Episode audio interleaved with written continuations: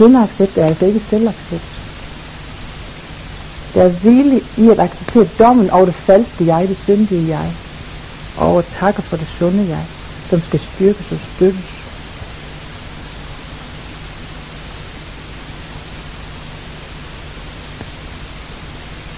Jeg har en, den har jeg ikke taget med. Der er en bog, der hedder Selvtillidstræning af Irene Østbrich. Der har hun lavet sådan en, øh, en tegning i. Øverst så står der selvtillid, og så i den ene vippe der er underdanig adfærd, i den anden vippe er der aggressiv adfærd. Altså underdanig og aggressiv. Og så siger hun, gyngen hedder aggression underdanighed. Både aggression og underdanighed kan være hensigtsmæssige. Kunsten er i de fleste situationer at holde balancen mellem de to yderpunkter. Det synes jeg er svært. Godt være, jeg synes, det er lidt.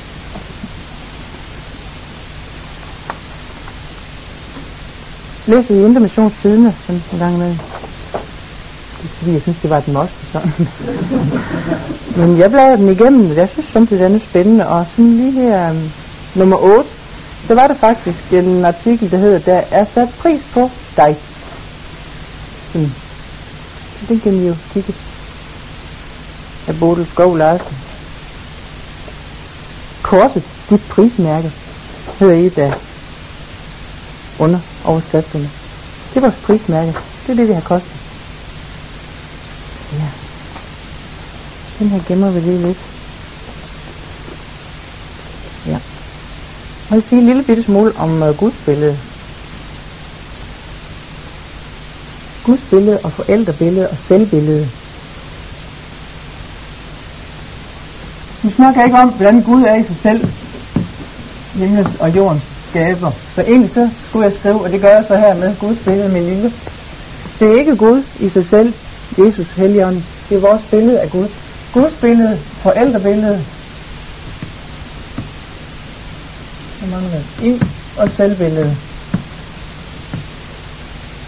Hvordan er det Guds billede? Og så kan man svare øh, enten ud fra det, man ved. Man kan slå op i trosbekendelsen, ikke også? Eller i stedet Bibelen, eller i en dogmatik. Og så kan man sige, sådan er mit Guds billede. Man kunne også spørge sin mave. Leif Gunnar Engedal, han øh, underviste om det her på sidste år på Lukas her. Og der snakker han om markens skytsbælte. Og det er samtidig en grum en. Jeg spørger også samtidig, øh, fordi der kommer mange kristne folk til øh, samtale hos os. Der kommer også mange, der ikke har en brik med kristendom at gøre. Og det kommer fra, fra alle forskellige farver af kirken, så det er rigtig spændende. Men jeg spørger samtidig folk om, hvad er dit gudsbillede? Ikke det du ved, og som du kan læse, og som jeg også godt ved, trosbekendelsen siger. Men hvad er din maves, eller prøv at forklare det der gudsbillede? Og så er det jo tit, at det siger noget meget smertefuldt, øh, tegner et meget smertefuldt billede, som ikke er noget ved, og som mere ligner en sanden end en Gud. Og en hun sagde, og det må jeg gerne fortælle videre, at hun øh, synes, eller tænkte, når jeg så spurgte på den måde, hvad, hvordan oplever du selv Gud? Jamen så har han jo den her kat, og så har jeg den her mus. Og så sidder han på spring, hvornår kan jeg æde den? Og så er man angst hele tiden. Og hun vidste jo godt heroppe, der er det skille igen. Hun vidste godt, jamen sådan øh, har jeg jo ikke lært det. Sådan står det ikke. Og det er sandelig også vigtigt, hvad det står der. Men det er også vigtigt, at blive klar over, hvis man hele tiden i maven går rundt med en forestilling om, at øh, jeg skal passe på, for kommer han, hvad kommer omkring næste hjørne der? Og det går ondt, når han øh, snapper tænderne i mig. Og det Guds billede, det har jo så tit farve af, af, af, af forældre, eller mangel på forældre, tryghed at gøre. Og det kommer tit til at farve selvbilledet også. De farver hinanden, de her, på godt og på ondt. Er man opvokset med den der tillid, man blev set, man blev spejlet, og jeg skal være her. Jeg er en dejlig unge, det er meningen, jeg skulle være her. Det var sådan en, som mig far og mor ville have. Så er det lagt en god bund for, at det er også sådan en, som mig Gud vil have. Han ved godt, at jeg laver forkert ting, men jeg er elsket og tilgivet. Det var sådan en, han ville have. Det var sådan en, som dig, der skulle være her. Det var sådan en, der var ventet på, der kom ud af maven.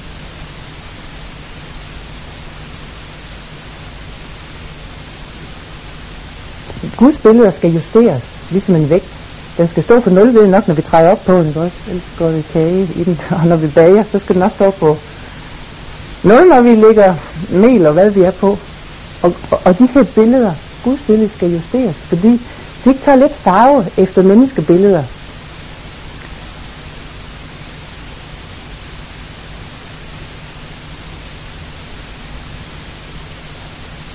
Man har brug for at få fortalt sin historie. For at få adskilt. Hvad var godt, og hvad var skidt hjemme. Og nogen har en masse godt at fortælle, det er herligt. Nogen har en masse godt og en masse skidt. Og nogen har en masse skidt. Det at få fortalt det.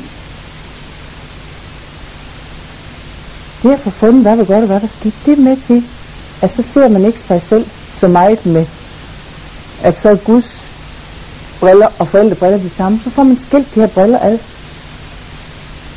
Mennesker kan godt have haft en barsk opvækst, som hende her, og så alligevel finde til hvile i, jeg må godt sidde på Guds skød. Og det er en skrøbelig hvile for hende, og hun falder let ned fra skødet i hendes oplevelse, og ved sig i sit hoved, jeg sidder på skødet. Det at få fortalt sin historie, og så få mærket, hvordan var det, var der, og hvad i den historie, det er med til at fø op.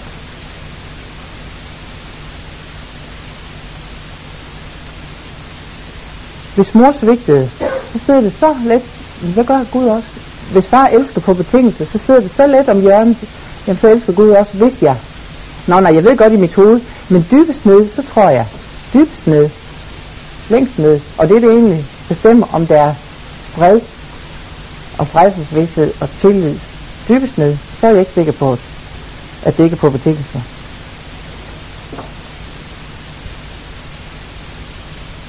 Det Guds billede skal hele tiden justeres. Hvordan er det nu? Jamen Helligånden er en gentleman. Han trænger ikke på. Jesus er en ordentlig storbror.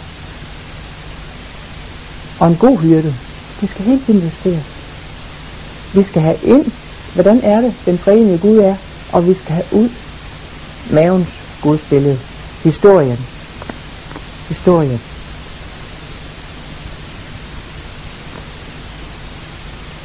Det er ikke kun forældre, det er også andre. Det er også præster. Det er lærere. Det er terapeuter. Det er ledere, som bliver en eller anden forældrefigur, som også på godt og ondt kan komme til at blande sammen i sin mave. Nu har jeg sagt rigtig meget, sådan, når jeg vil jo sige meget mere, men jeg tænker, er der nogen, der som sidder med noget, de lige vil sige nu? Inden jeg kommer med lidt mere inden vores pause. Det kunne godt være, det var sådan lige lidt. Ikke fordi... Ikke, ja. ja.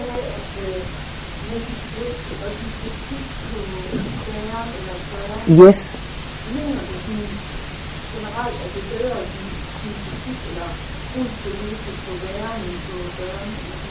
Nej, på gøren.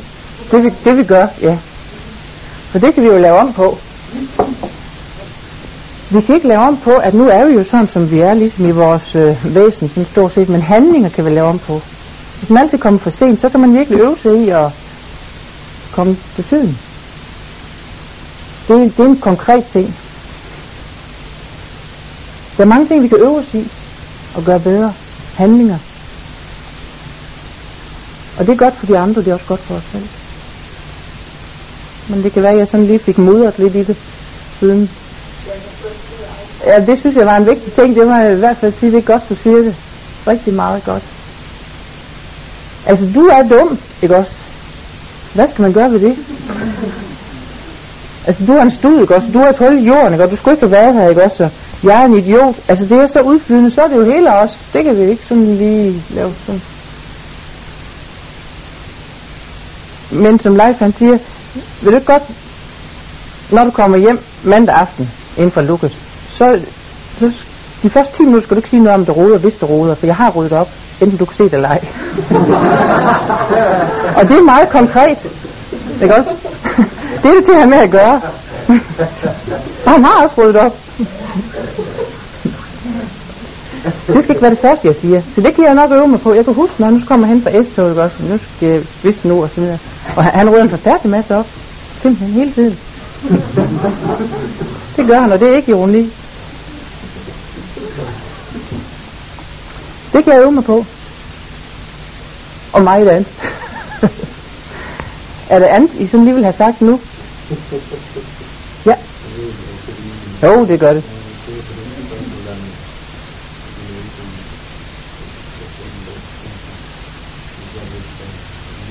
Ja.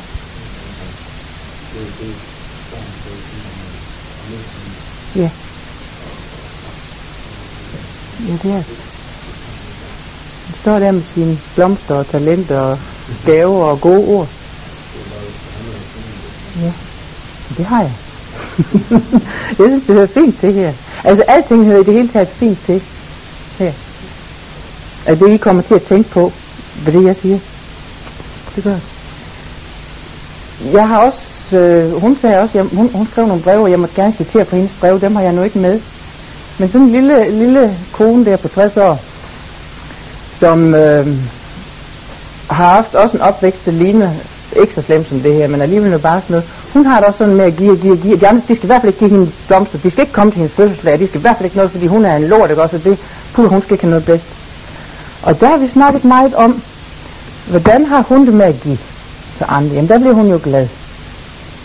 Og så har hun aldrig i sit liv før tænkt på, at, at når jeg siger til hende, jamen, synes du ikke også, at de andre skal have lov at være glade? Jamen, det har hun aldrig tænkt på. Og det har vi så kørt meget frem og tilbage mange gange. For hun, det er jo enkelt egentlig altså. Og det er jo ikke sikkert, det er lige dur til det, du tænker på det. Det, det tit dur jo, det er jo så at, at, at lytte lidt til, hvad gør, at den anden synes, man må ikke tage imod? Altså, hvad, hvad er det ligesom? Har det altid været sådan, og det giver også en magt i det nej, det er, man har egentlig magt. Og, altså, sådan lytte lidt til, hvad, hvad er det, det handler om. Og nu ved jeg ikke, om du kan sige noget mere om det, eller Nej, det er mere sådan generelt.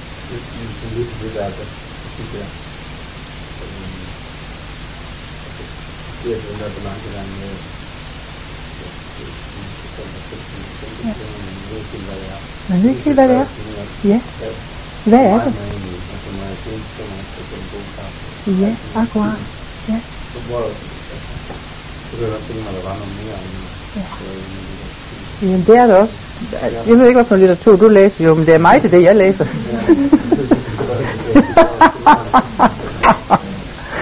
For det er jo helt konkret, nu nævner du en femmer. Det er jo helt konkret med, hvor meget glæde, kærlighed, skønhed, og noget koster penge, og noget koster ikke penge, må vi give os selv. Må vi tage på en rejse, ikke også? Må, må vi give os tid og råd til at lave et ordentligt måltid mad hvor meget må vi gøre, og det sidder jeg tit og snakker med folk om, som har svært ved at tillade sig selv, men synes, de kan egentlig godt opmuntre andre til det. Og det er på det plan. Og det er tit noget jo med leg og glæde og øh, det, som nogen kalder, kalder spildtid. Eller dogne. det er tit noget med tilladelse. Permission. Har jeg lov til at lege. Homo ludens, det lejende menneske. Har jeg lov til, øh, til det? Og så koster det noget, noget koster noget, noget koster ikke noget. Men det at suge, glæde, skønhed, sjov, ja, det er så. Ja. Ja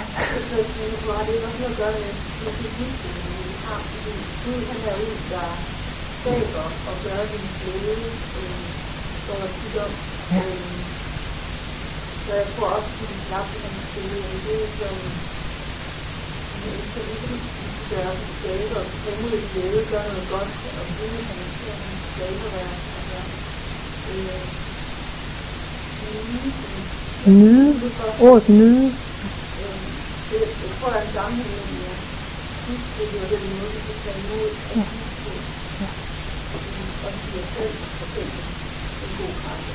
En god kaffe. Det, espresso, det koster 5 kroner ekstra, eller cappuccino, eller hvad det hedder. Nu kan jeg ikke lide kaffe, men altså.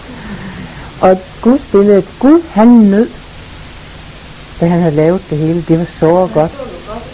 Se og det var så godt. Han var stolt. Han, det har sådan været sprudlende skaberglæde.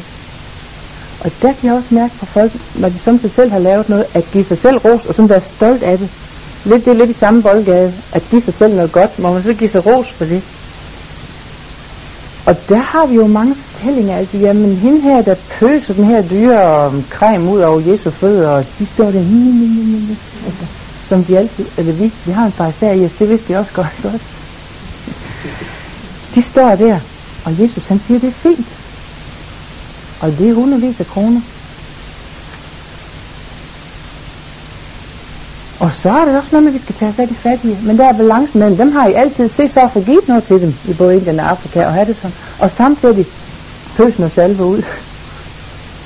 Det er balancen i det. Gud er alle øh, gode gaver giver, og han under os det, og samtidig skal vi fordele det ordentligt. Det du nævnte før med, med dem, der har svært ved at tage imod, sådan så hjælper det dem også, når de kan forstå, at det er faktisk svært for andre at være sammen med dem. Ja, man kan ikke gøre dem glade. Øh, og Gud vil gerne gøre os glade. Ja, han ved godt, det kan vi ikke være helt. Han vil gerne. At der er mange oaser midt mellem ørkenerne. Det vil han gerne. Er det så musik? Er det god mad? Og er det film? Er det naturoplevelse? Er det musik, man selv laver? Er det sport? Forskellige slags sport?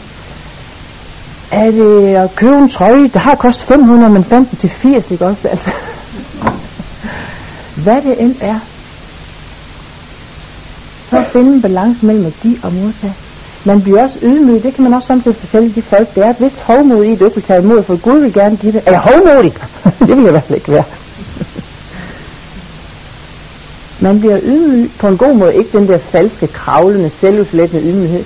Mig skal ikke tage hensyn til, men den der ydmyghed, som er hele helgens frugt, som er dejlig at være sammen med. Og som sådan, man kan ånde frit, når man er sammen med den der gode ydmyghed. Det bliver man af at modtage.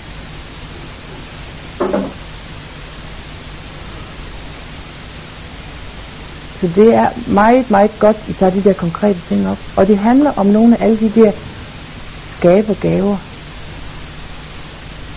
og ja, det må vi gøre. Og det er både de fattige og deres selv. Og så er der jo nogen, der øsler ud på sig selv i tonsvis, og som ikke stiller det spørgsmål, de stiller der, og som ikke får givet en pind hverken til den ene eller den anden, de skal så have det modsatte at vide. Men den årsængstelige, samvittighedsfulde sådan der, med tag ikke, smag ikke, rør ikke for kolossenserne to, og hvor vi nu ikke har den, skal øve sig i det modsatte, og der er det jo Uh, jeg kan huske, jeg holdt et oplæg, hvor jeg snakkede meget om vrede, det skulle jeg. Og så var der sådan en, der kom til mig senere og siger, eller nu har du sagt, at man skal være vred, og hun, og hun er en, der er vred hele tiden og skal ud hele tiden. og jeg tænkte, det var ikke det, hun skulle hænge sig fast i. og der må vi jo prøve at hjælpe hinanden og os selv og bede Gud kaste dit klare lys ned, så vi ser, hvad er det, jeg skal øve mig på? samtidig øver man sig jo på det, man egentlig godt kan, og ikke det modsatte. Det er også en af Jesper Jules øh, sætninger. Vi gør mere af det samme. Ægtepar, de har prøvet at løse konflikter, så gør de mere. Hvis nu hun skal endnu mere ud, så forstår han det. Hvis, eller hvis han nu han giver sig endnu mere, eller, eller men der skal man ikke gøre mere af det samme, man skal samtidig gøre mere af noget andet. andet. Og hvis du har svært ved at øve kærlige små handlinger mod dig selv, så har du Jesu bud om at begynde på det fra dags dato. 19. marts. Værsgo. Du har et bud om det. Du skal. Og er der noget med de næste, du ikke har ryddet op, øh, elske et eller andet, du ved, og det ligger længe tungt på dig, jamen, så har du bud om det, så se for det gjort. Lav den mail, eller få gået de skridt med den her trofaste krop, som bare går. Du får vi på det. Jeg er glad for de ting, I siger der. Jeg har skrevet nogle af de konkrete ting, og det var smuttet i skyndingen der. Er der flere ting? Ja. Ja.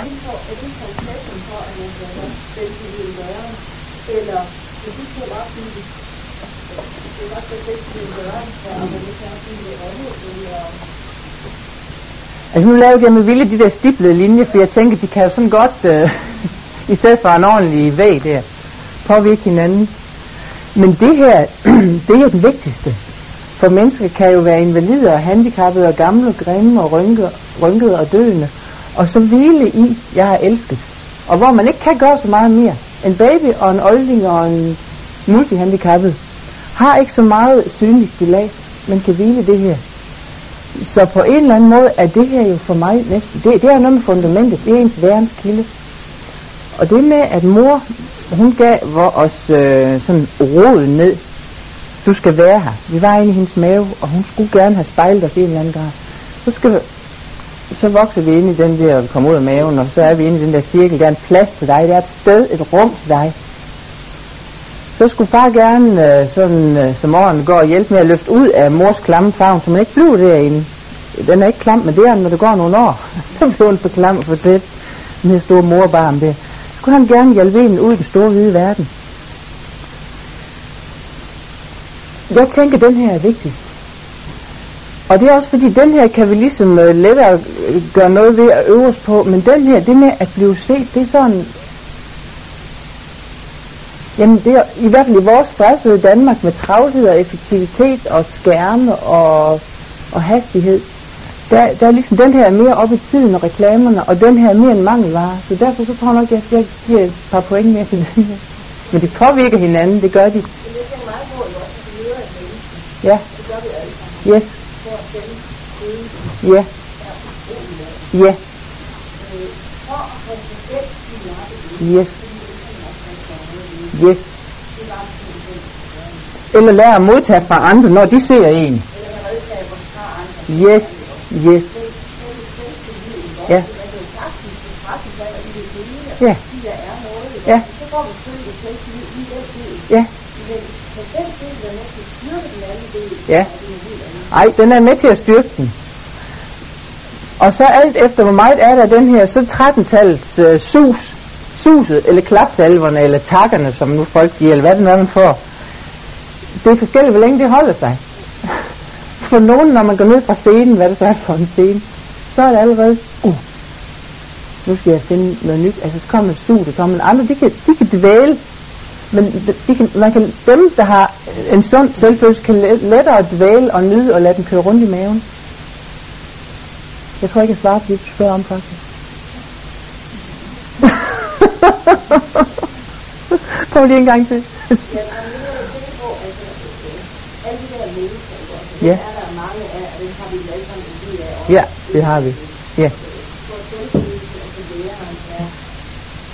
Den er lav, ja. Yes. Yes, den skal have noget vand og noget sol og noget gødning.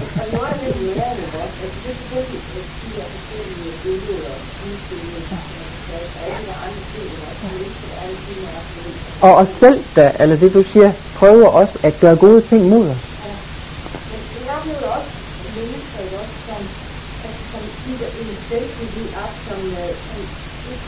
Ja. Ja, det var et stilas. Det var lidt hylsteragtigt. Ja. Nej. Nej.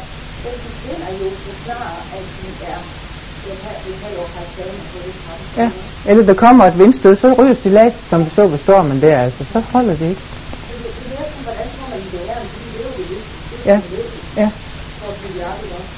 Men det er jo nok ved, at, at vi, jamen det er godt at, at give ros og ris, det skal vi også, øh, sådan, men det er nok, at vi ikke øh, altid kører så meget rundt i det, vi gør. Men hvordan har du det, i stedet for, hvad, hvad du gør? At vi mere sådan, både når vi selv tænker, og når vi snakker med hinanden, sådan mere lægger vægt på, på værende går. Hvordan går det også? I stedet for, hvad, hvad gør du? Det er også vigtigt, hvad jeg gør. Men hvordan har du? Det er et andet spørgsmål. End hvad laver du lige nu? Det kan vi jo øve os sådan lidt i den lille ting, men den, den tror jeg er vigtig.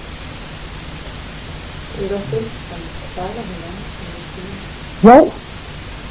Meget. Du ser træt ud i dag. Er du det, eller er det bare mig, der ser min egen træthed i dine øjne? eller du ser altså lidt uh, anti ud i dag. Har verden været dum? eller er det bare mig, der har, er, er, er lidt uh, anti? Altså, når vi spejler hinanden, så læges jo også noget af det gamle, ulægge, uspejlede af der. så læges noget der. Og der sker jo fortsatte lægedomme.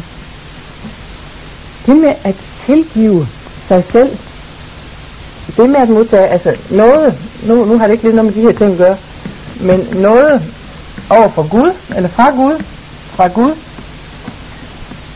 og fra og til andre, og, og fra en selv, fra og til andre, altså tilgivelse, og så øh, mod en selv. Tilgivelse. Det er sådan, Læren er en at lære at praktisere tilgivelse til og fra hinanden. Selvfølgelig kan vi godt huske det, der var dumt. Minderne, de bliver siddende. Fotografierne sidder på væggene. Men det er ikke at bruge det mod hinanden. Og det er så at lære at tilgive en selv. Det her, det er faktisk øh, for nogen den sværeste barriere. Skulle man ikke tro. Men det er det for mange kristne det kan egentlig godt vide, at Gud har tilgivet mig, og, og jeg har også gjort op med den og den, og der er ikke sådan lige noget med mennesker. Men jeg kan ikke tilgive mig selv. Der skal de lære det, og, og det begynder hun med i den her person, hendes genoprettelse. Jeg vil lige bruge øh, fem minutter på sådan nogle øh, citater her, så holder jeg altså pause.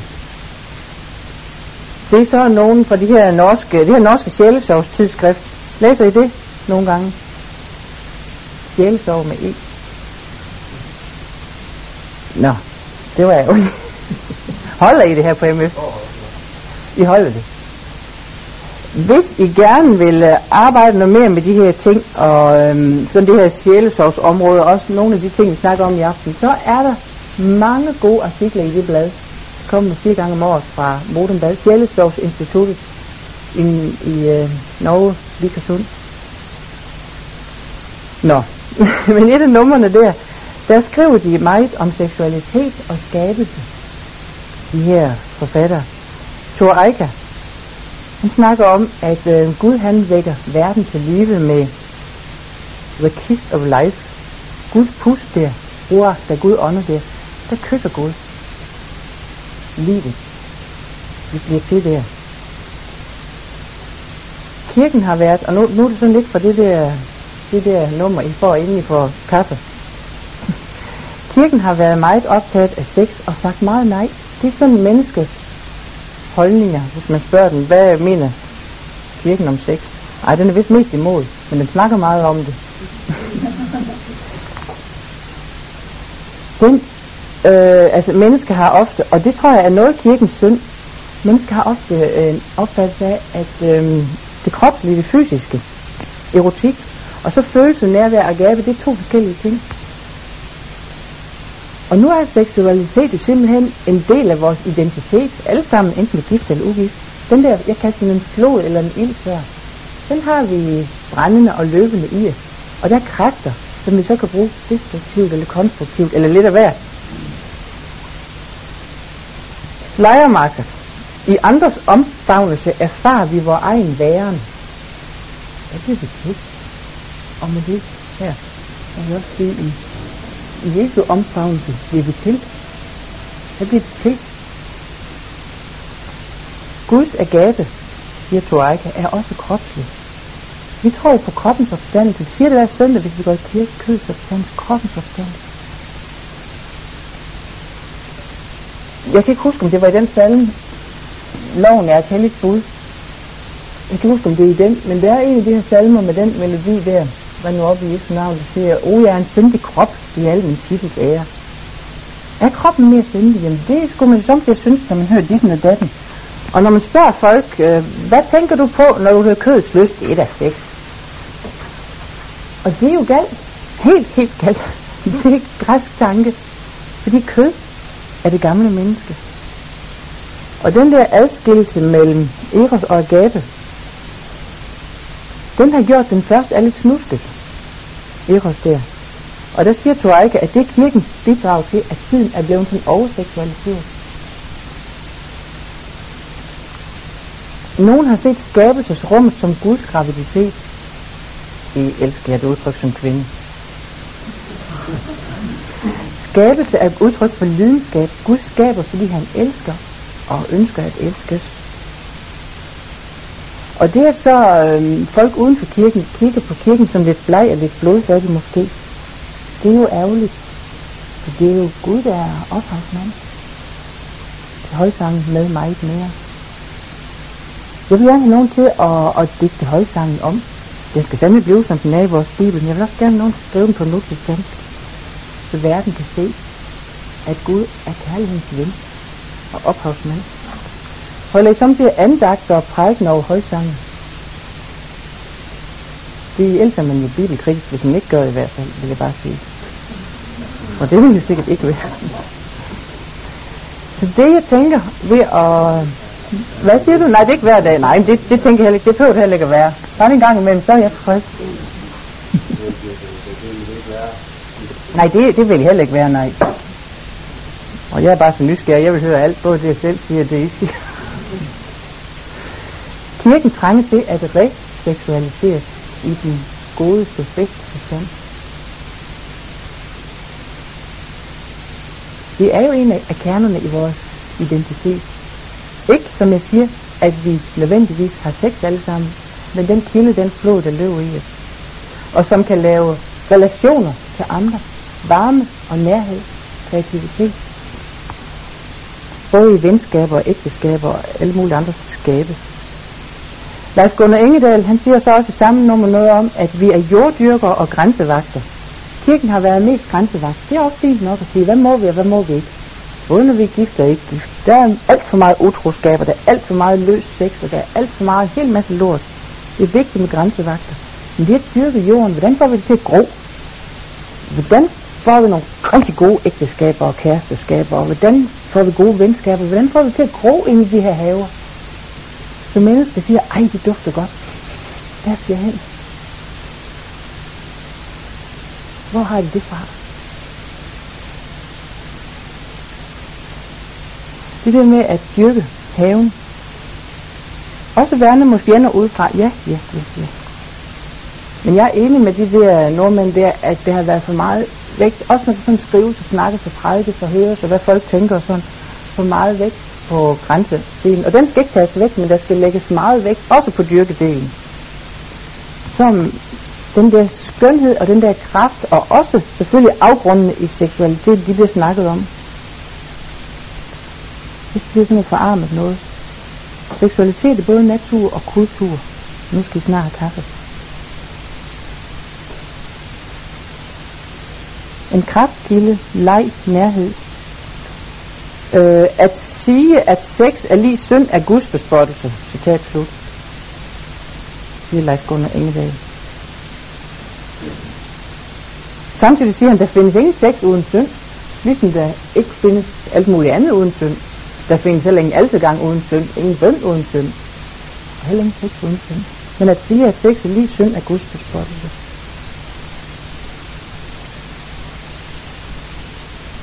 Og jeg tror, at både, både singlefolk og ægtefolk trænger til meget at lytte til, hvordan er det på den anden side. Hvordan er det at leve alene, og hvordan er det at leve som par. For der er noget meget svært og noget meget herligt ved begge dele.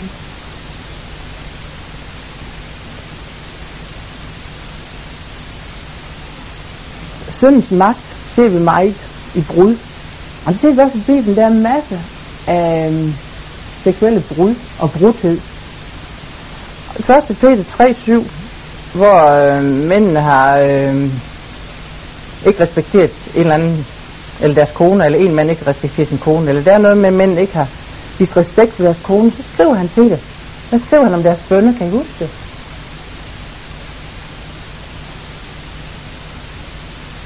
Nej. Gæt så det. ja.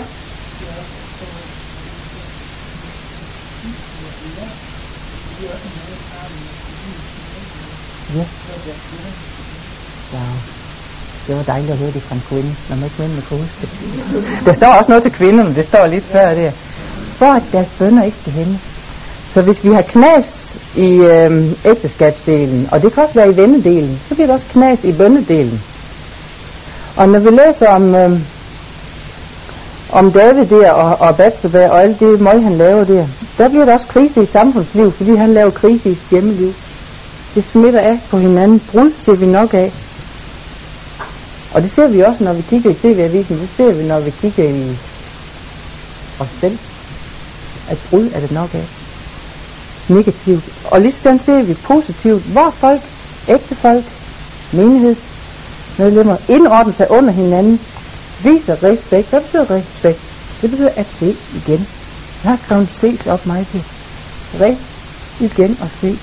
At se endnu en gang og endnu en gang. Vise ære, siger Paulus. Konerne skal vise ære. Vi kan blive nogle værre med dammer og rappens kralle og rejekællinger og herres rundt med ham Adam her. Og mændene kan blive tøffe helt. De kan også blive tyranner. Men der er så mange øh, faldgrupper her. Ved at vise ære, respekt, se igen og igen, der begyndes Kristus et lille stykke så folk igen. Det lugter godt, der skal vi hen. Når vi indordner os under hinanden, viser ære, så forkyndes et stykke Kristus. Vi lemmer på hans krop. Og det er en hemmelighed, et mysterien. Ja.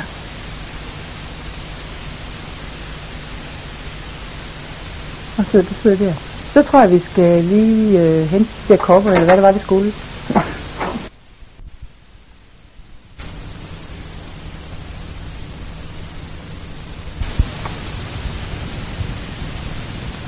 Ja, jeg tænkte meget på jer i toget jo altså. Sådan, da de sagde, nu skulle vi stanse ved alle stationer, nu laver vi det om til et bumletog. Og så sad jeg og mærkede sådan lidt den følelse, jeg havde som barn, når vi altid kom for sent, fordi far skulle altid nå noget. Sådan den der lidt følelse af skam og sådan krible kraft i kroppen der. Nu skal vi snakke om krop i dag. Ja. I går var jeg til gymnastikopvisning og se smukke kroppe, helt synkroniseret. Piger, der bare kunne springe og hoppe og hvad ved jeg. Og samtidig i den her weekend har vi fået at vide, at en af vores gode venner, hvis nok har kræft i hele kroppen. Fordi tallene, de, de viste det, og hun ikke har det så godt. Så det der med kroppens fald og kroppens nåde, det, det er sådan helt øh, tæt ved siden af hinanden i den her weekend.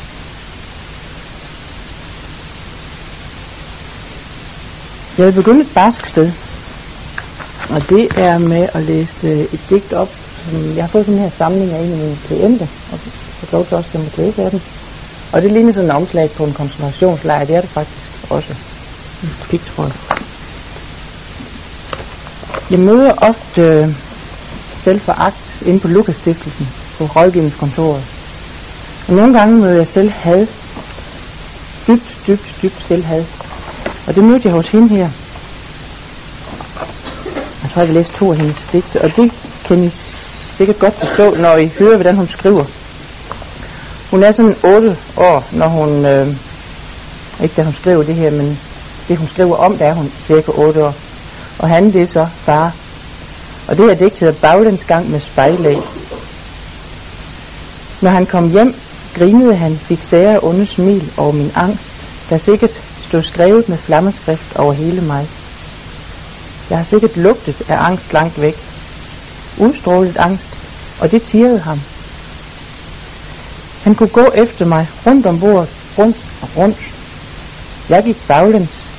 Han fulde gik forlæns, rundt og rundt i evigheder. Det spyttet tørrede ud i min mund, og hjertet hamrede helt op i hovedet, og troede med at sprænge sig vej ud. Alt sejlede, mens jeg gik baglæns, baglæns, baglæns, rundt og rundt i evigheder. Hvis jeg faldt, så sparkede han. Tys, tys, lille barn. Ikke skrige. Ikke skrige. Du ved, det gør kun det hele værre. Vi stoppede ikke, før han var træt af lejen. Det kunne ske, han tog kokspanden og tømte den ud på køkkengulvet og smed al vores sengetøj ovenpå og sig selv øverst. Og beordrede mig til at lave mad til ham, når nu du var gået. Og det var altså mor var gået. Og ikke ville sørge for ham. Og så den her sætning, som jamen, det skærer i mig alt sammen. Men den her, den, øh, den skærer aller dybest. Det var synd for ham. Det var synd for ham. Sådan har man det, øh, når man er i hendes øh, liv. Sådan har børn det, som øh, fodres med foragt og misbrug og krænkelse og vold og grænseoverskridelse. Så er det synd for de andre. Selvhavet, det bliver, hun, hun får spist selvhavet ind her. Det er synd for ham. Og det at lære at tage ind, det var også synd for hende. det var en utrolig svær en, og det bliver hun aldrig færdig med at tage ind før på den nye jord, hvor hun bliver mæt. Men lidt mere har hun taget det ind, at det var også synd for hende. Et barn har svært ved at lave mad, når kokspanden er spredt ud på gulvet sammen med sengetøjet og far. Jeg spejlede æg, der mislykkedes. Blommen smattede ud. Han kunne ikke fordrage æg med udsmattede blommer. Han tvang mig til at spise dem selv, stod der med sit sære onde smil og stank af øl, mens jeg kvalte. Også i æg. Yes. Og så har jeg taget med fra samme yderliggående øh, selvhed. Helt over sådan fra den ene side jo af selvhed. Den her lille bog, som I kan kigge i, eller også kan I levere, Barneskæbner af Kari Græsmo. Er nogen af jer kender den? Det er malerier af en øh, norsk kvinde, som øh, voksede op på en missionsstation. Jeg kan ikke huske, hvorfor det øh, østlige land det var, hvor rektoren misbrugte pigerne seksuelt. Og hun har så arbejdet med det her som voksen og øh, lavet malerier om det. Nogle, nogle stærke og nogle gode og også nogle livs, øh, livskraftige malerier. I kan kigge i dem, hvis I vil, ellers kan I lade være.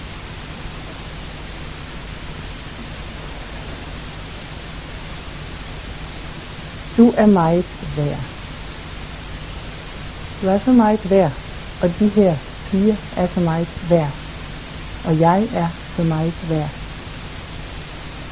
At Jesus betaler med sit liv og sin død. Det er den dybeste selvværdskilde. De er også kristne, begge de her kvinder, jeg har startet med. Men øh, ofte så er der sådan en øh, adskilthed mellem hovedet og resten af kroppen. Et låg hvor ørerne hører nok, hvad præsten prædiker og hvad man selv læser i sin bibel. Men det bliver ligesom herfra, og så har det ikke noget med resten af kroppen at gøre, det er en adskilthed. Så når man hører, du er meget værd, er man opflasket med meget selvforagt, så, så ved man det heroppe men har faktisk svært ved at spise det, og, og ved det ikke herfra og nedad. Man, man er skilt ad på en eller anden måde.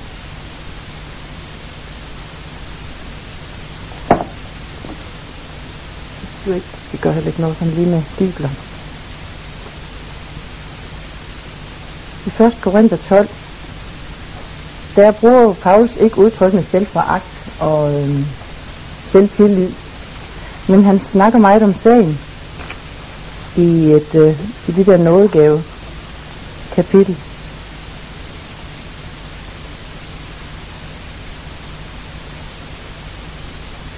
Billedet af Kristi krop, som er så alle de kristne, og vi sidder rundt omkring som små celler, små dele.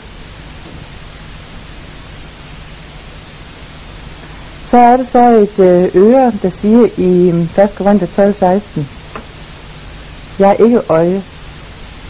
Nej, det er det ikke. Øret er ikke øje. Men så har øret lidt af hende her den konklusion, så duer jeg ikke. Øret tænker faktisk, når jeg ikke øje, så hører jeg ikke med til lægemet. Så findes jeg slet ikke på lægemet.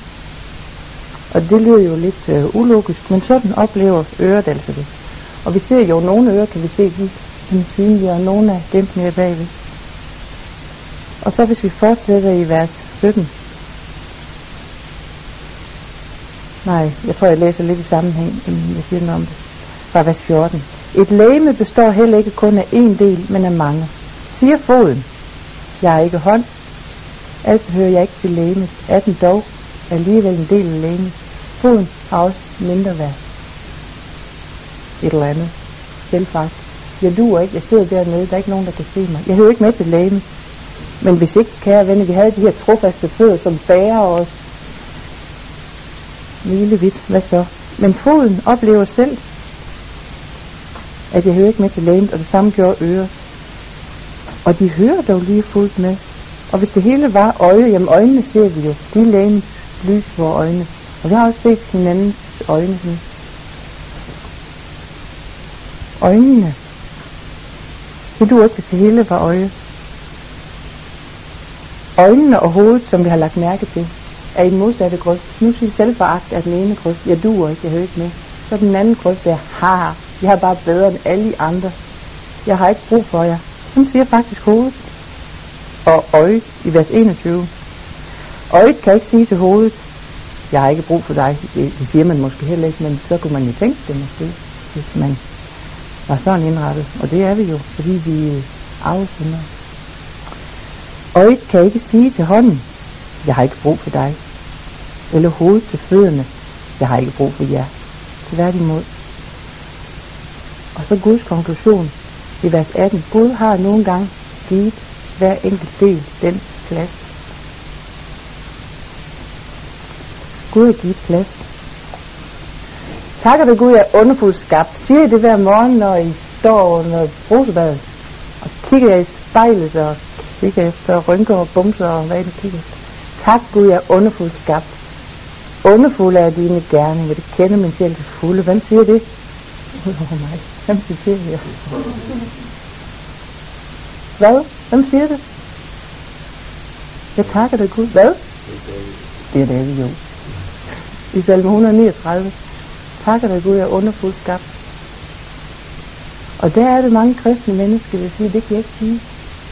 Jeg kan sige, at han har lavet noget lort, ikke også, eller jeg uha, uha, Ja, hvordan skal man så bede den bøn? Så bliver det noget med, at jeg bebrejder dig Gud, at jeg er ulækker, eller jeg er grim, eller jeg er dum. Og det lyder jo lidt firkantet, når jeg siger det. Og så du skal elske din næste som dig selv, og du skal elske Herren dit Gud. Nogle, mange kristne, mange af dem jeg møder med, som har levet øh, med nogen grad af omsorgsvægt, de lever som om det stod, at du skal elske din næste i stedet for dig selv. Det er deres øh, teologi. Og det er ikke sådan, han, han siger det. Så jeg tror, hvis den, der ikke elsker sig selv, er en egoist. Og jeg sagde ikke forkert. Den, der ikke elsker sig selv, er en egoist. Så har man den foragt, som øh, hun har som skriver digten her, så er man optaget af sig selv hele tiden af sin dårligdom, af sin øh, udulighed, af sin skyldfølelse og af sin skam, og sin skyld og sin skam, og af sammenligninger med andre, og man falder altid igennem. Og man er tit også perfektionistisk, og man er angst. Man er optaget af sig selv hele tiden, og så bliver man jo meget egoistisk, fordi så kører det rundt med en selv. Det kan godt være, at man gør så meget godt for de andre. Men den, der ikke elsker sig selv, er en egoist. Så, og det med at elske sig selv, det, det snakker mange øh, også sådan værtslige øh, folk om i dagens Danmark, og det er fint nok. Men der tror jeg jo, den dybeste kilde, den er i, øh, i Kristi død og opstandelse. I at det var vi værd. I dåbsstolen, øh, stolen, nådestolen og i nadvermad og i hans løfter. Jesper Juhl, kender I ham? Nogle stykker kender Jesper Juhl leder familieterapeut til øh, Kæmpe Institut. Han skældner mellem øh, selvfølelse og selvtillid. Ryggraden er selvfølelsen. Nu lagde jeg noget kridt, men det finder jeg nok igen. Ryggraden der. Den handler om væren, den del. Og selve ordet at føle sig selv, selvfølelse, må jeg være her? Må du være her? Skal du være her? Er det meningen, du skal være her? Hvis man har fået det at vide mange gange, da man voksede op, hvor er det godt, du er her. Hvis man er blevet spejlet, den helt lille, så har man udviklet tillid til sig selv, også tillid til livet. Og også et grundlag for tillid til Gud, hvis man er blevet spejlet hvis når man var ked af det, som lille, der var nogen, der trøstede. Hvis når man var gal, så var der nogen, der kunne rumme det. Hvis når man var glad, så var der nogen, der smilede. Så man blev spejlet, så udvikler et lille bitte barn tillid. Så har det en god følelse af at være sig selv. Det er godt at være mig, jeg skal være her. Der er en plads til mig, der er også plads til de andre. Der er lige så meget plads til de andre.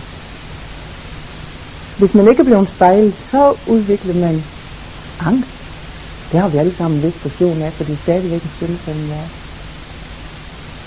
Og hvis man har sådan oplevet noget af det der, så fra Bigfoot siden der, hån og grænseoverskridelse, så oplever man øh, selvforagt.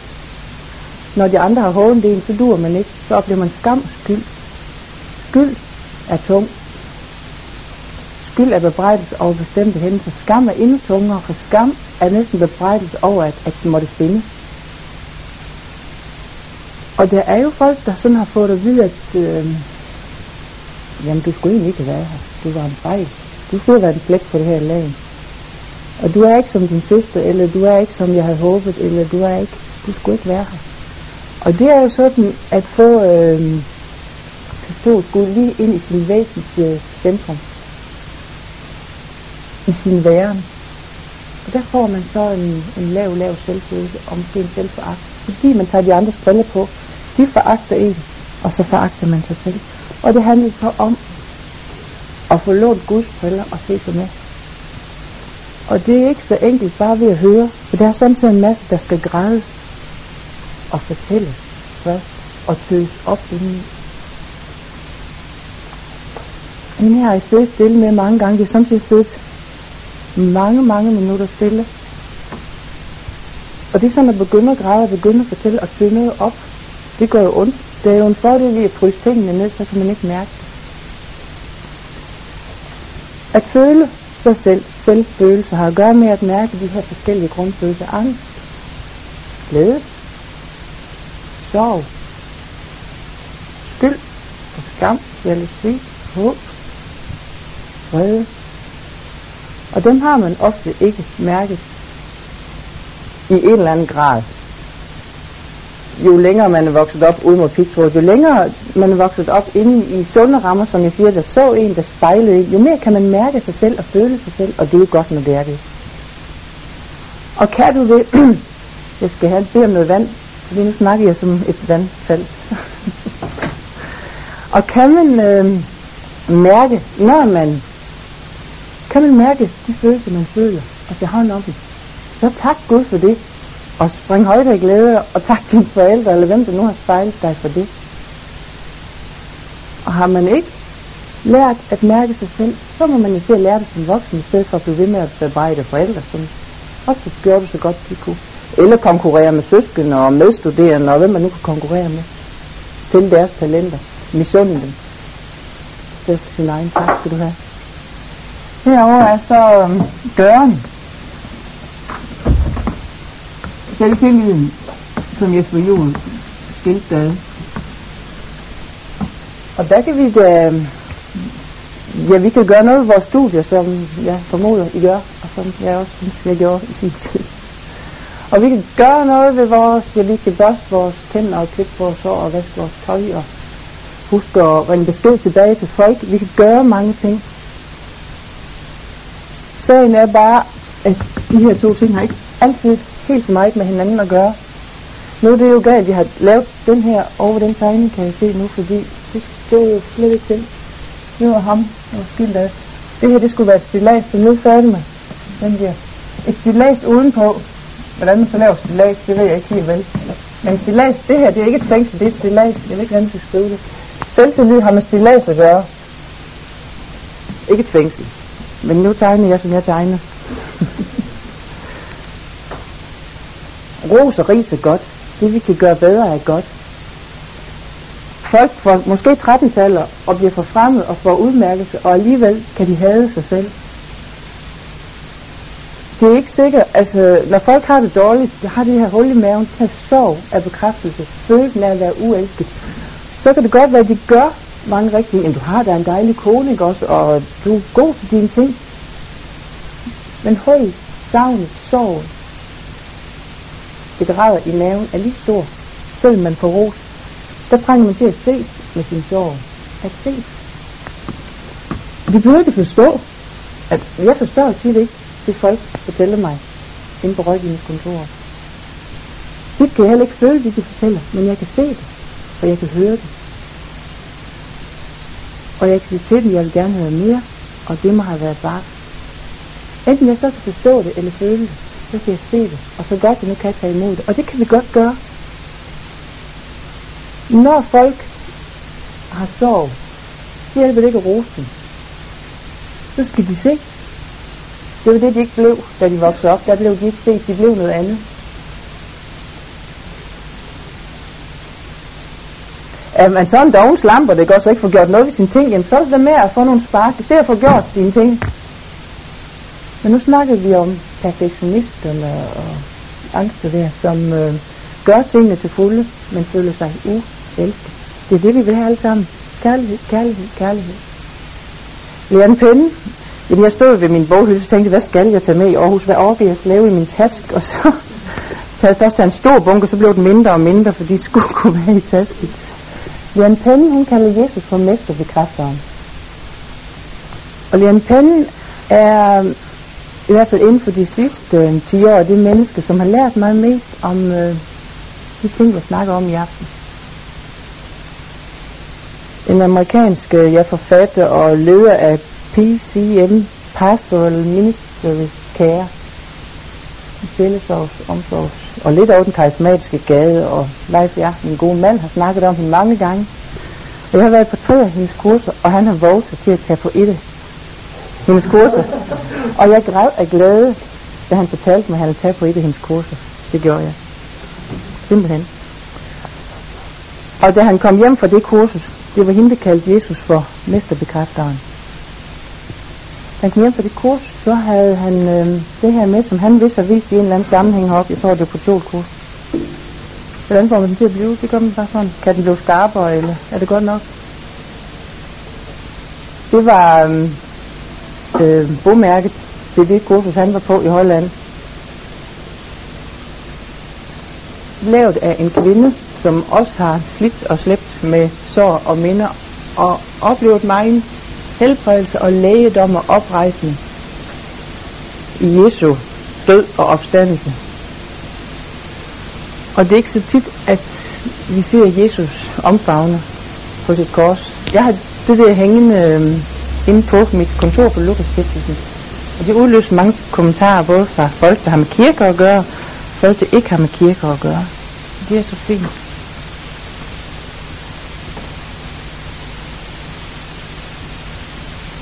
Det er et ork, at hele tiden skulle bevise sin eksistensberettigelse, hvis nu har det hul i maven. Hele tiden at skulle bevise for de andre, jeg må godt være her. Det er ligesom, øh, det får ingen ende, det er uendeligt. Det, det er egentlig, for at snakke Rosenius og sådan de, de gamle folk, lovens vej har ingen ende. Men når er det godt nok.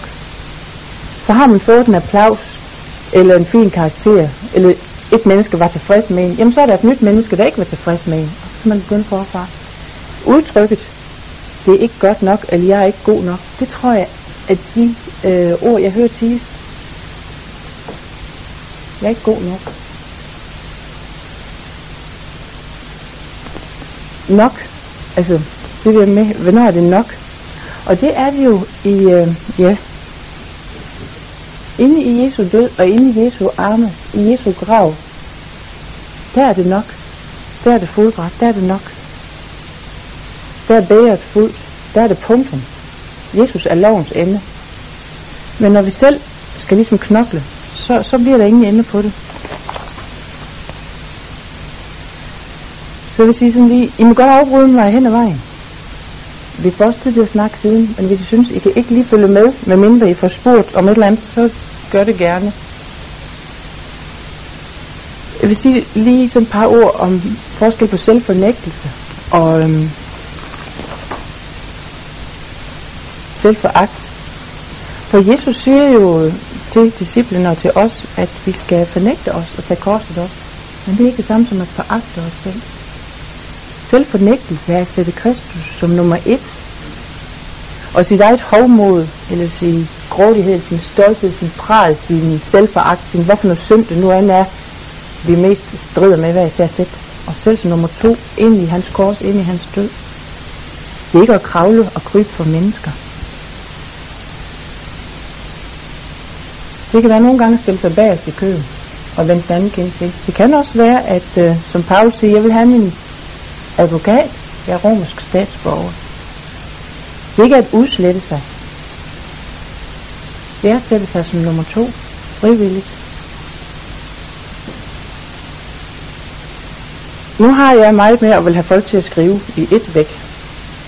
Altså ikke sådan lige her nu. Det er lige fedt, om vi gør det eller ej. Men jeg vil gerne have dem til at skrive. Øh, det er også noget, hun har lært mig. En prayer journal. Bedebøger. Altså købe en Kina-bog også, eller også en, en eller anden bog, som ikke skal ligge fremme på kontor og stuebord. Og så skrive sine sønner, og så skrive det, Jesus siger til dig og mig. Skriv ned, hvad vi tænker. Og det er noget snusket noget. Det er mit i hvert fald, og det skulle også undre mig meget, hvis det ikke var det, hvis du er ærlig. Tegn det ind i et kors. Skrive Jesu løfter. Skrive, hvad du nu som læser hører, eller et øh, salmevers, eller lave en tegning, eller hvad det er. Der er nemlig altid svar fra Jesus på det, vi går og tumler med. Også af de her ting. Jeg skriver sådan, ikke hver dag, vel, men øh, når noget er rigtig tungt eller rigtig godt, skriver jeg.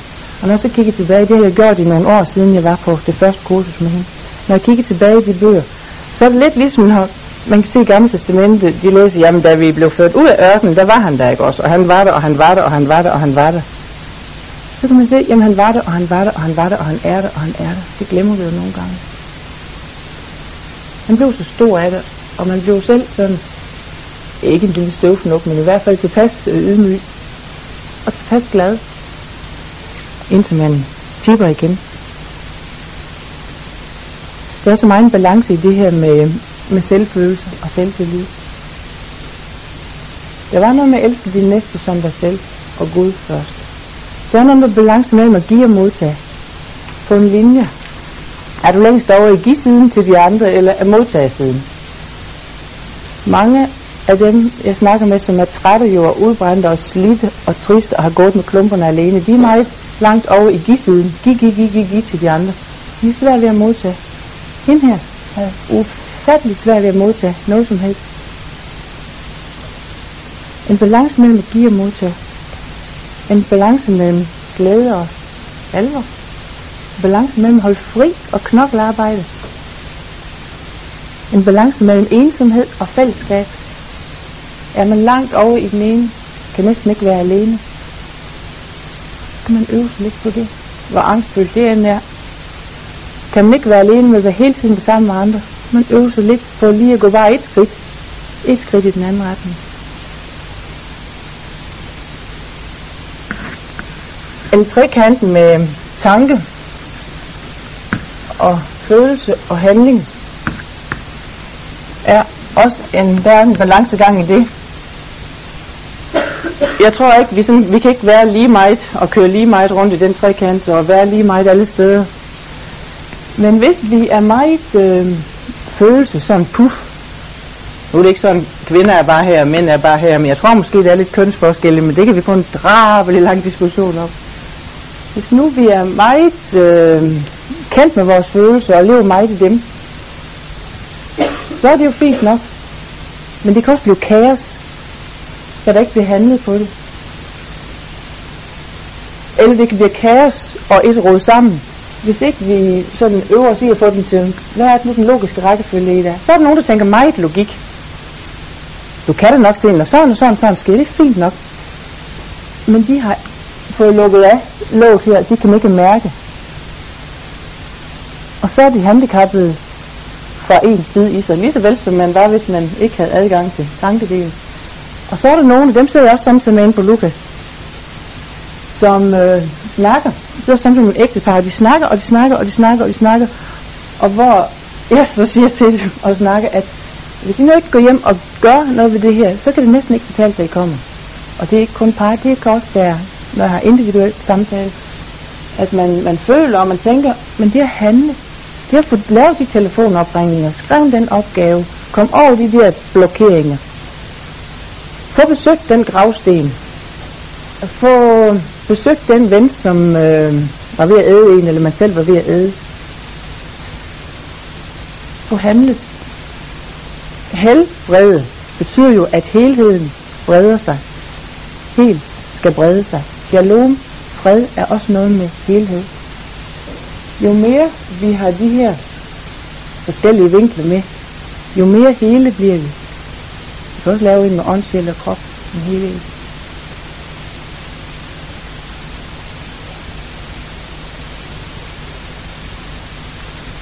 Vrede er en svær følelse.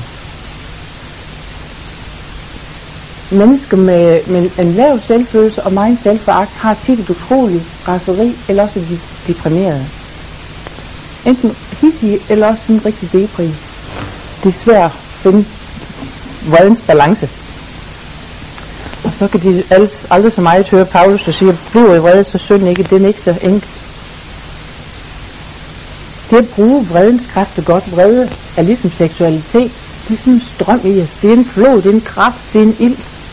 Og jeg tror, at aggressionen og, og seksualitet, jeg tror, det er næsten, de bor naboer i kroppen på en eller anden måde.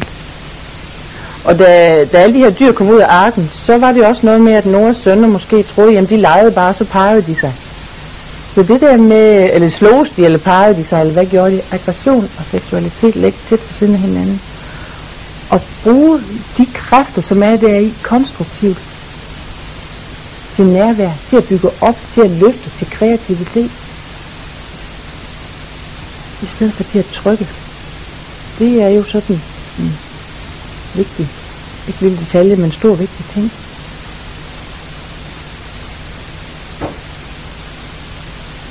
Det at lære at give ordentlig kritik til andre på gøren og ikke på væren. Du skulle aldrig være født du er et, et eller andet. Du er dum. Den er svær, fordi det er sådan hele ens væren, der bliver udraderet. Men jeg er træt af, at du altid kommer for sent. Dumle tog. Øh, jeg er træt af, at du har telefonsvaret på hele tiden. Det er kritik på gøren, og ikke på væren. Og mennesker, som har oplevet meget kritik på væren, har jo ufattelig svært ved at lære, at vrede ikke er farligt. De er så angstvrede, og der blev det tit uh, depri og angst. Og så plejer jeg også lige at sige sådan, lige sådan to sætninger om, hvis man nu er tæt sammen med et magtmenneske, som øh, er god til at øh, charmere andre. Nu har vi kigget på Lundin her forfra, bagfra og midtfra, og der er andre magtmennesker end ham, og der er også magtmennesker i kirken. Hver 20. er sådan et magtmenneske, ikke som Lundin, der skærer folk i stykker. Men øh, er man tæt på et eller andet magtmenneske, så får man også brug for noget med grænser og integritet og finde sin øh, brede, fordi hvis man lever tæt på et, et udpræget magtmenneske på kontoret eller i menigheden, i nabolaget, i familien eller hvor det nu er, så vil selvfølelsen altid svinge ned, langt ned. Mennesker, som har haft sund selvværd og synes, de hvilede i det, hvis de sådan over lang, lang tid lever tæt sammen med et, øh, et udpræget magtmenneske, det kan vi være i forskellige grader, vi har alle sammen en lille psykopat i os, men lever man tæt sammen med en, der har det i en større grad, så går selvfølelsen helt sikkert langt ned i bund. Men lader sig binde, og det kan være seksuelt, magt, det kan være økonomisk magt, og det kan være evnen til at give skyldfølelse, som et magtmenneske er utrolig færdig til. I kan spørge noget mere til det, hvis vi, hvis vi skal snakke mere om det. Egoisme er medfødt sund selvfølgelig skal spises, bæres, læres, tages ind igen og igen. Vi skal have tilsagt noget. Vi skal have tilsagt kærlighed. Vi skal have tilsagt sundsforladelse. Vi skal have ragt mad og mad. Have ragt dine sønder af dig og mig forladt.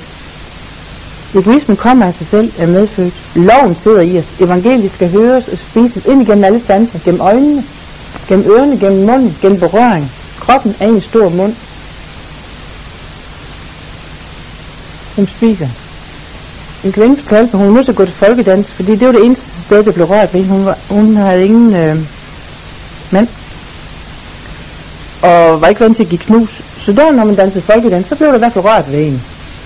Første gav man jo bare hånd, og nu er vi jo anden hånd. Jeg ved ikke, hvad et heldigt kys det er i Nyt Testamentet. Og da jeg voksede op, det gav vi også kun hånd. Så det her med knus, det er noget, jeg skulle lære, da jeg sådan blev en halv gammel her. Det er jo en god ting, synes jeg. Men ikke helt enkelt. Kroppen er en stor mund. Og det at finde tilpas kropskontakt, nærhed, afstand, det er vigtigt. Både for børn og voksne. Jeg tror, vi kan leve uden at have sex. Jeg tror ikke, vi kan leve uden at have fysisk nærhed med andre mennesker, og hverken børn eller voksne. Men det kan I jo modse mig i. Margrethe Melin, om at godtage sig selv, hun siger, dybt i at sidde et ukristent evangelium, som hedder, du skal forandre dig, før du kan acceptere dig. Det er ukristent. Vi trænger til at lære den modsatte lektie. Du må acceptere dig selv, før du kan forandre dig. Det gør Gud jo. Acceptere dig, før du kan forandre dig. Og så siger hun også, tak Gud, du har skabt mig, som jeg er. Gør mig til det menneske, du har skabt mig til at være. Det vil bede hver dag. Og så snakker hun også om at bruge vores egne talenter, i stedet for at tælle de andre. Man kan bruge meget tid på at tælle de andres talenter, hvis det godt det. Jeg ikke gør så bruge vores egne i stedet for. Så er det særligt ved skift, at selvfølelsen er truet og kommer til at hænge i lasse. Ved skift, ved flyt, ved skilsmisse, ved alvorlig sygdom, ved flytninger, ved ægteskabs indgåelse og ved venskabers ophør, eller når noget bliver ændret ved fyringer, ved falit, ved, ved skift, der er det tit, den sådan skal bygges op igen. Selvaccept er ikke syndeaccept. Det er ikke det usunde, egoistiske, sorte jeg, vi skal acceptere. Det skal dø. Men der er hvile i at acceptere dommen, dødsdommen, over det. Men det sunde jeg, det er sted inde i os, hvor Kristus bor. Det hvilested, den ø inde i os, hvor det sunde jeg er, det skal blomstres. Det skal blomstre, det skal have gødning og næring. Og når vi siger, at jeg skal dø, og det siger vi jo, og det læser vi, og det hører vi, nej, vi skal ikke til at snakke salmekritik nu, så det tager lang tid.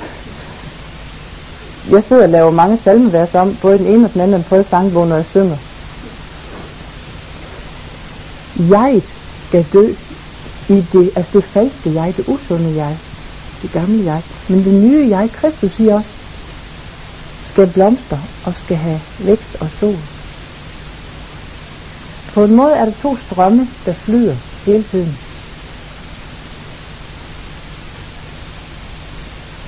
Jesu noget flyder hele tiden ind i dig, som en ren kilde. Ud fra hans kors, ud fra hans død, ud fra hans nærvær, for han går sammen med dig. Den flyder hele tiden ind i dig, ind i mig, ind i vores mund eller øre, ind gennem hele vores krop. Hele tiden er vi egentlig i et brusebad. Og samtidig flyder hele tiden vores kloak ind i ham. Så de to strømme, de flyder hver sin retning, og den ene er grumset og snusket, og den anden er frisk og ren.